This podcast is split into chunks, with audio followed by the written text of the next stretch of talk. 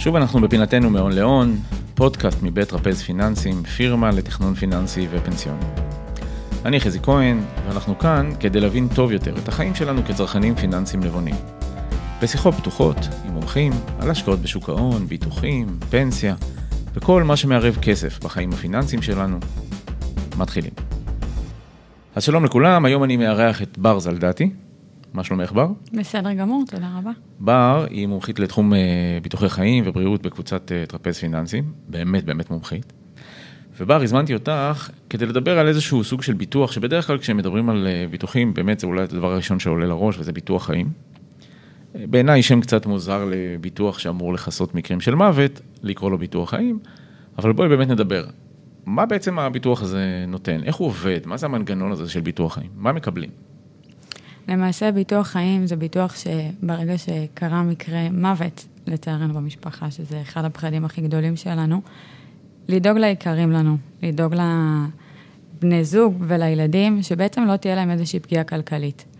המטרה בביטוח חיים, בסופו של דבר, זה שלא לגדר סיכון כלכלי עם עובדת פרנסה. זאת אומרת, הרעיון הוא, כמו בהרבה מאוד ביטוחים, לתת איזושהי הגנה פיננסית כשקורה איזשהו מקרה ביטוח. המקרה ביטוח בסיטואציה הזאת זה פשוט uh, מוות.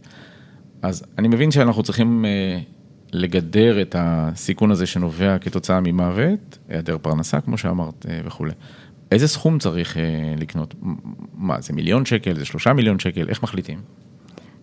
למעשה הדרך לבוא ולהחליט זה לשבת עם איש מקצוע בדרך כלל ובני הזוג. ולראות בעצם אם חס וחלילה קורה משהו, כמה באמת צריך. צריך לקחת בחשבון כמה שיקולים. הראשון זה הגילאים של הילדים, במידה ויש. גובה ההכנסה, ומהו כמובן השכר המבוטח שיש לנו, כי יש לנו חיס... אה, ביטוח חיים גם דרך קרן הפנסיה לצורך העניין. Hey, אז בואו נעשה ככה איזה שהם אה, פרופורציות, נניח שיש ילדים אה, קטנים ויש שכר פחות או יותר ממוצע, נניח מרוויחים סדר גודל של 10,000, 15,000 שקל, פחות או יותר. למה צריך עכשיו אה, ביטוח חיים נוסף? נניח מיליון שקל. למה צריך את הביטוח הזה מעבר למה שיש בפנסיה? למעשה, קרן הפנסיה שלנו, בביטוח השערים שם, נקבל באמת קצבה, כמו שאמרת, לכל החיים לאלמן ולילדים עד גיל 21. יחד עם זאת, זה לא לוקח בחשבון גידולי שכר אופציונליים שהיו צפויים להיות במהלך השנים. והיום נכון, אולי יש משכורת של עשרת אלפים שקל, אבל בעתיד היא אמורה לגדול. וזה, כמו שאמרתי, אין לנו כיסוי דרך קרן הפנסיה. ודבר נוסף, כן לפעמים צריך קצת הפיצוי הרגשי אחרי אירוע טראומטי שכזה.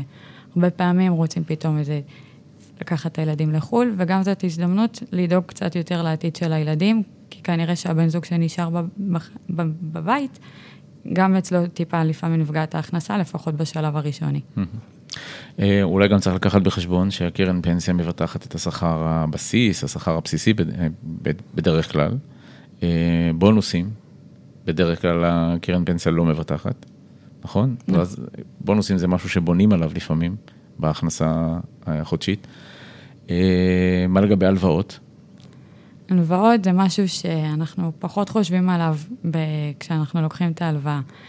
אה, למעשה, אם לקחנו הלוואה והשארנו את המשפחה עכשיו עם חוב, וגם עם פחות הכנסה, הם עדיין צריכים להחזיר את הכסף הזה. בשביל זה הם גם המציאו לצורך העניין את הביטוח שנקרא ביטוח חיים למשכנתה, שבעצם בא להגן על הבן זוג שנותר בחיים ועל הילדים, שלא ימצאו את עצמם משלמים על, משלמים משכנתה בנוסף בעצם לפגיעה. על חוב מאוד מאוד אה, גבוה. על חוב מאוד גבוה, ולמעשה אנחנו, את זה הרגילו אותנו כי זה חובה, אבל על, על הלוואות אחרות אין על זה חובה, וזה משהו שגם צריך לקחת אותו בחשבון. לפעמים כשלוקחים הלוואות גבוהות או מינופים, לבוא ולהגן כדי שבאמת החסכונות שלנו יישארו ולא, ויגיעו ליעדם האמיתי, שהיה מתוכנן בהתחלה, ולא לה, להשאיר את המשפחות גם עם חוב. אה, אז דיברנו על זה שבעצם הקרן פנסיה, חס וחלילה במקרה מוות, באמת נותנת קצבת שאירים. אנחנו יודעים שזה רק 60 אחוז מההכנסה המבוטחת לבן הזוג או בת הזוג, וילדים זה 40 אחוז הנותרים עד גיל 21. אה, אבל מי שיש לו ביטוח מנהלים, גם יש לו אה, ביטוח חיים. למעשה בביטוח מנהלים אין ביטוח חיים מובנה כמו שיש בקרן פנסיה. זה אחד היתרונות המובהקים שיש בקרן הפנסיה, כיוון שהביטוח שם מסובסד. למעשה, ברגע שאנחנו מבוטחים בביטוח מנהלים, אנחנו צריכים לרכוש באופן נפרד את ביטוח החיים שלנו. שם הוא לא יגיע כקצבה שתשמור על הכנסה יציבה למשפחה, אלא פשוט הם יקבלו סכום אחד, אלא אם כן המשפחה תבחר אחר כך לפעול אחרת. אבל צריך לקחת בחשבון שזה עלויות נפרדות, שהן לא קשורות, לא מסובסדות כמו בקרן הפנסיה. אז אולי זו באמת הזדמנות ככה להזמין את מי שלא בטוח, אם יש לו בביטוח מנהלים איזשהו ביטוח חיים שנלווה אליו, אה, לבוא ולדבר איתנו ולבדוק, אה, כי אפשר לראות את זה באמת בצורה אה, פשוטה, ולא להניח שביטוח מנהלים בקטע הזה מתנהג כמו קרן פנסיה. אוקיי, אז הזכרת מקודם ביטוח משכנתה, איך זה עובד עם ביטוח משכנתה, הנושא של ביטוח חיים? מי מקבל את הכסף אם מישהו הולך לעולמו?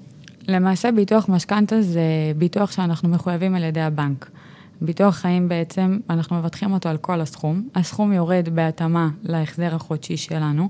למעשה הסכום ביטוח הזה יורד כל שנה אה, בהתאם למסלולים שבחרנו.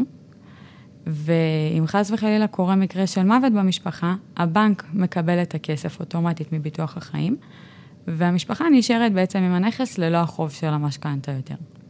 הבנתי. זאת אומרת, הפיצוי, הוא מגיע ישר לבנק. נכון, פיצוי מגיע ישר לבנק, ולמעשה הערך המוסף היחיד שיש בפוליסה הזאת זה השקט הנפשי שיש אם קורה מקרה מוות. הבנתי, אוקיי.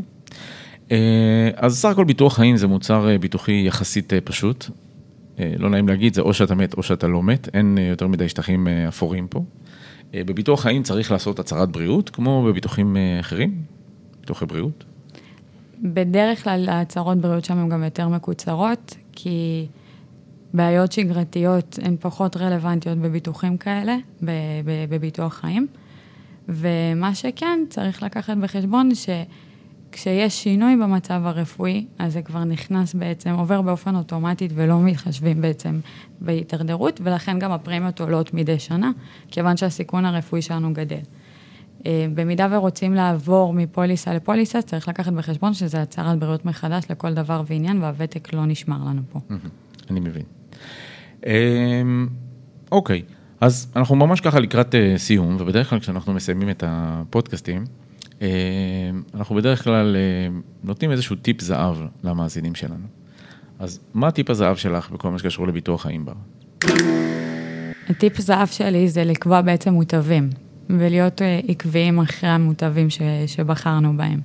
לצורך העניין, כשנכנסנו להצהרת, לפוליסה ועברנו את הצהרת בריאות, בחרנו מוטבים, ועם השנים הילדים גדלו, שהיה שינוי בסטטוס שלנו ואנחנו כבר אולי לא נשואים, אולי התחתנו, אה, וצריך בעצם לבוא ולעדכן מי המוטבים, כדי שאנשים שאנחנו באמת רוצים לדאוג להם וצריכים שנדאג להם, אם קרה לנו משהו, שהם באמת יקבלו את הכסף ויהיו מבוטחים כמו שצריך.